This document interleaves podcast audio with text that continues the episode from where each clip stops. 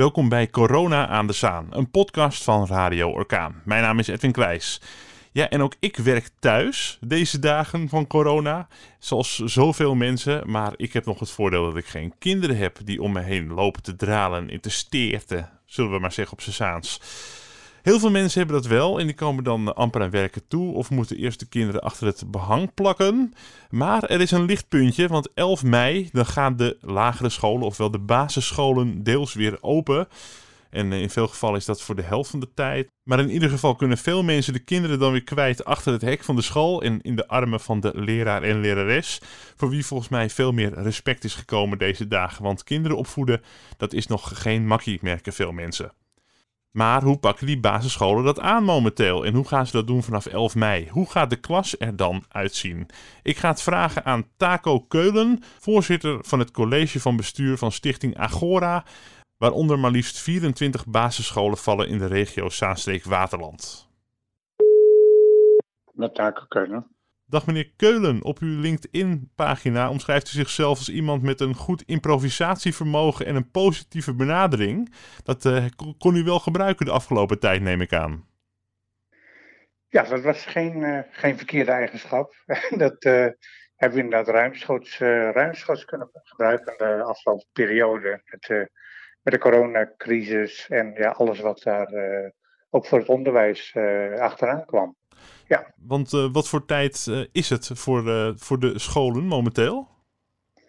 Ja, het is een hele rare, rare tijd. Het is, moet heel veel, heel veel gebeuren, heel veel ge, geïmproviseerd worden.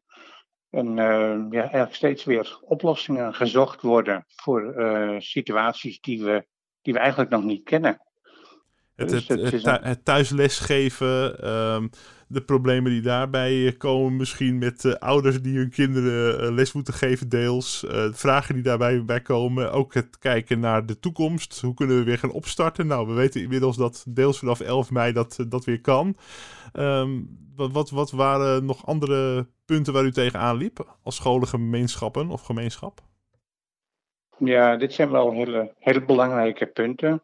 Hè, waar we ook tegenaan liepen, is dat ja, dat thuisonderwijs natuurlijk niet voor iedereen een feest is. dat, uh, voor, voor een heleboel situaties is dat heel erg, uh, heel erg goed gegaan. Daar hebben mensen ook plezier aan beleefd. Voor anderen was het een uh, flinke belasting. Hè, en en ja. weer voor anderen was het echt een, echt een ramp. Het bracht ook heel veel spanning met zich mee om met z'n allen in huis aan de slag te gaan. En dat soort signalen kwamen natuurlijk ook weer bij onze, bij onze scholen terecht. En hebben we ook in, in samenwerking met het jeugdteam bijvoorbeeld uh, weer op, oplossingen voor, uh, voor gezocht. Ja, want veel mensen moeten thuis werken en dan zijn er ook nog de kinderen die, die ook thuis zijn. Dat moet ge gecombineerd worden. Sommige mensen wonen klein, die plakken de kinderen achter het, achter het behang. Het, al met al met een beetje improviseren lijkt het toch allemaal weer, weer te gaan lukken. Uh, ja, is, is, het niet zo dat ook soms de druk gewoon te hoog wordt op ouders en op leerlingen om toch maar door te gaan met presteren? En, en zo toch alles maar 100% weer rond te krijgen? Ja, die druk is, uh, is vaak wel heel hoog. Hè? Dat uh, natuurlijk heel veel ouders die, die inderdaad, ja, schetsen het al, van die thuiswerken, die thuis ook nou, moeten videobellen bijvoorbeeld of videovergaderen, waar de kinderen bij, bij zijn.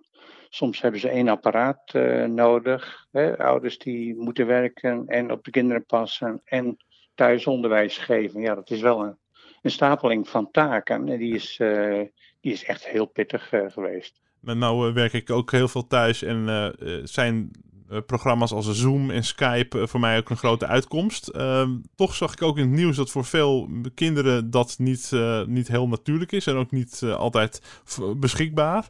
Zijn, jullie veel kinderen tegengekomen die toch thuis geen computer hebben of andere mogelijkheden hebben om deel te nemen aan de lessen?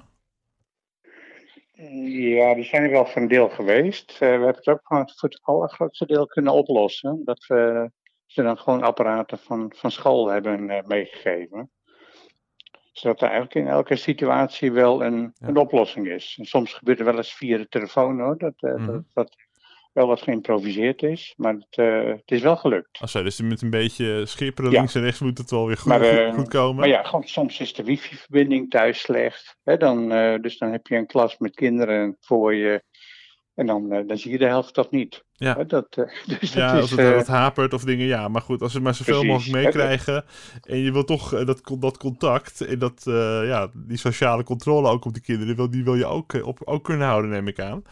Klopt. volgens mij bent u erg blij dat vanaf 11 mei het een en ander weer kan worden opgestart. hoe gaat het vanaf 11 mei eruit zien in de scholen? De, dat zal een beetje per school verschillend zijn. Wat er uh, gebeurt is dat er op elk moment uh, 50% van de kinderen, of maximaal 50% van de kinderen in de school kan zijn. Hè, dat is ook een, uh, ook een voorschrift. En dat betekent voor een groot gedeelte dat leraren twee keer hetzelfde, dezelfde les gaan geven aan halve, halve groepen. En dan kan ik Dus het zo voor me zien dat eh, leerlingen op eh, maandag en donderdag naar school gaan, of op dinsdag en vrijdag bijvoorbeeld, of worden het echt halve dagen? Nee, het worden geen halve dagen. Want eh, dat zou ook met zich meebrengen dat er veel, veel beweging en veel verplaatsing om de scholen is. En dan zijn ouders ook voor hun eigen werkzaamheden natuurlijk ook wat minder ontlast.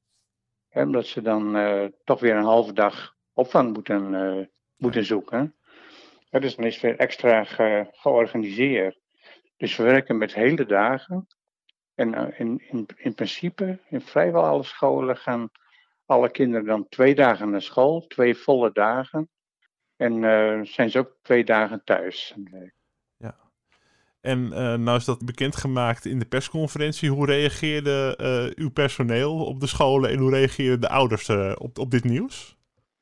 Ja, toch ook wel heel opgelucht. Hè. Leraren willen heel graag gewoon lesgeven en eh, willen de kinderen zien. Hè, dat, eh, ze hebben elkaar ook echt, eh, echt gemist. Kinderen hebben de school gemist. En onze medewerkers hebben ook hun kinderen gewoon heel erg gemist. En Zoom en Skype en Teams, hè, dat soort programma's zijn wel een hele goede vervanging om informatie uit te wisselen. En om les te geven en instructies te geven. Maar je mist wel het persoonlijk contact. En dat Ja. is wat, ja, wat dan wel erg op de achtergrond Ja, raakt. toch het contact met de klasgenoten, de vriendjes en vriendinnetjes eh, in de groep. Precies. Wat zijn uw verwachtingen van de wat langere termijn als het gaat om de scholen en hoe alles in de toekomst weer helemaal kan gaan draaien? Voor de, we, het zijn wel vrij hardnekkige geluiden, maar het is wat speculatief. Dat vanaf 1 juni eh, de scholen weer helemaal open kunnen. De scholen, Mhm. het onderwijs wordt wel een soort voorrangspositie daarin eh, in toegekend. En dat zou echt gaan om de basisscholen dan alleen? Ja, het zal vooral om het primair onderwijs gaan. Omdat die kinderen natuurlijk dat daar het sociale ook nog, nog belangrijker is dan eh, in het voortgezet eh, onderwijs. Dat kinderen daar vaak nog wat makkelijker ook hun, hun eigen programma's kunnen, eh, kunnen maken en kunnen volgen. En, en, en jongere kinderen zijn toch veel meer aangewezen op directe begeleiding. Ja. Dus we verwachten wel dat we wat dat betreft hier snel aan de gang kunnen. De, in de eerste instantie, hè, vanaf 11 mei, zal de, nou, het accent dan ook wat liggen op ja, gewoon even het, het, eh, het sociale, het emotionele. Even weer bijpraten, hoe is het met iedereen? En vervolgens eh, overschakelen op de, met name op de kernvakken. Hè, lezen, lezen, schrijven, rekenen. Hè, omdat daar ook grote achterstanden ook wel zijn, eh, Ja. zijn ontstaan. En er wordt eh, veel aandacht gegeven ook aan het gymnastiekonderwijs. Oké, Dus dus toch, veel- toch het Heel veel sporten. kinderen hebben ook, ja, heel veel kinderen hebben ook gewoon het eh, bewegen gemist. Veel binnen, veel binnen gezeten. Ja. En, En daar willen we ook eh, echt ruimte, ook het- in dat En dat, en dat mag dan wel, programma. want dan, dan heb je veel over contact natuurlijk. Die kinderen mogen allemaal echt met elkaar in contact komen en dingen. Want ja, ik denk dat je kinderen dat niet makkelijk kan, kan ontzeggen. Die, die springen snel op elkaar of die hebben snel fysiek contact. Alles is weer mogelijk. Ja, wel, wel bijna alles. Hè. Er moet natuurlijk, je moet er een beetje rekening mee houden. Maar eh, voor kinderen is die, die anderhalve meter ook niet, eh, niet maatgevend. Dus, Hè, dat- dus kinderen onderling, dat is het grootste probleem niet. Kinderen naar volwassenen, En volwassenen onderling. Dat is eigenlijk meer het, de Ja. beperking. Dus, dus de klas komt niet vol te hangen met eh, plexiglas en eh, allerlei spatschermen en eh, heel veel meters er- ertussen. Want dat zou ook geen werkbare situatie zijn, neem ik aan. Nee, dat klopt. Het zal, eh, het zal natuurlijk wat meer op afstand zijn. Hè? We proberen Mhm. natuurlijk zoveel mogelijk rekening mee te houden, maar geen eh al te kunstmatige dingen. Hè, de, de, de, er zal al genoeg ge- eh, ja, formeel geregeld moeten worden. Hè, want eh, ook bijvoorbeeld als ouders naar school komen om hun kind te brengen, ja, je kunt niet bij het hek blijven staan praten. Hè? Dus het zal ook echt wel een beetje georganiseerd moeten worden. Ja, dat is ook een sociaal, eh, sociaal smeermiddel natuurlijk. De gesprekken op het schoolplein, die komen er ook nog bij kijken. Ja, en die komen dan eh, die komen wel te vervallen. Hè, want eh, ouders kunnen niet in de school komen. In de school zijn alleen de, de kinderen en de, de medewerkers van de school, maar geen, geen anderen. Hè, om nou ja, zoveel mogelijk alle, alle risico uit te, uit te sluiten. Maar voor ouders betekent het ook ja, toch een beetje kaal van je kind eh, overdragen hè, aan, de, aan de school en ook weer. eh, weer ophalen in een soepele afspraak. Ja. En op een aantal plekken moeten we het ook gewoon met een soort tijd, tijdslot doen. Hè? We zeggen van nou, niet allemaal tegelijk aanwezig zijn, want dat lukt niet.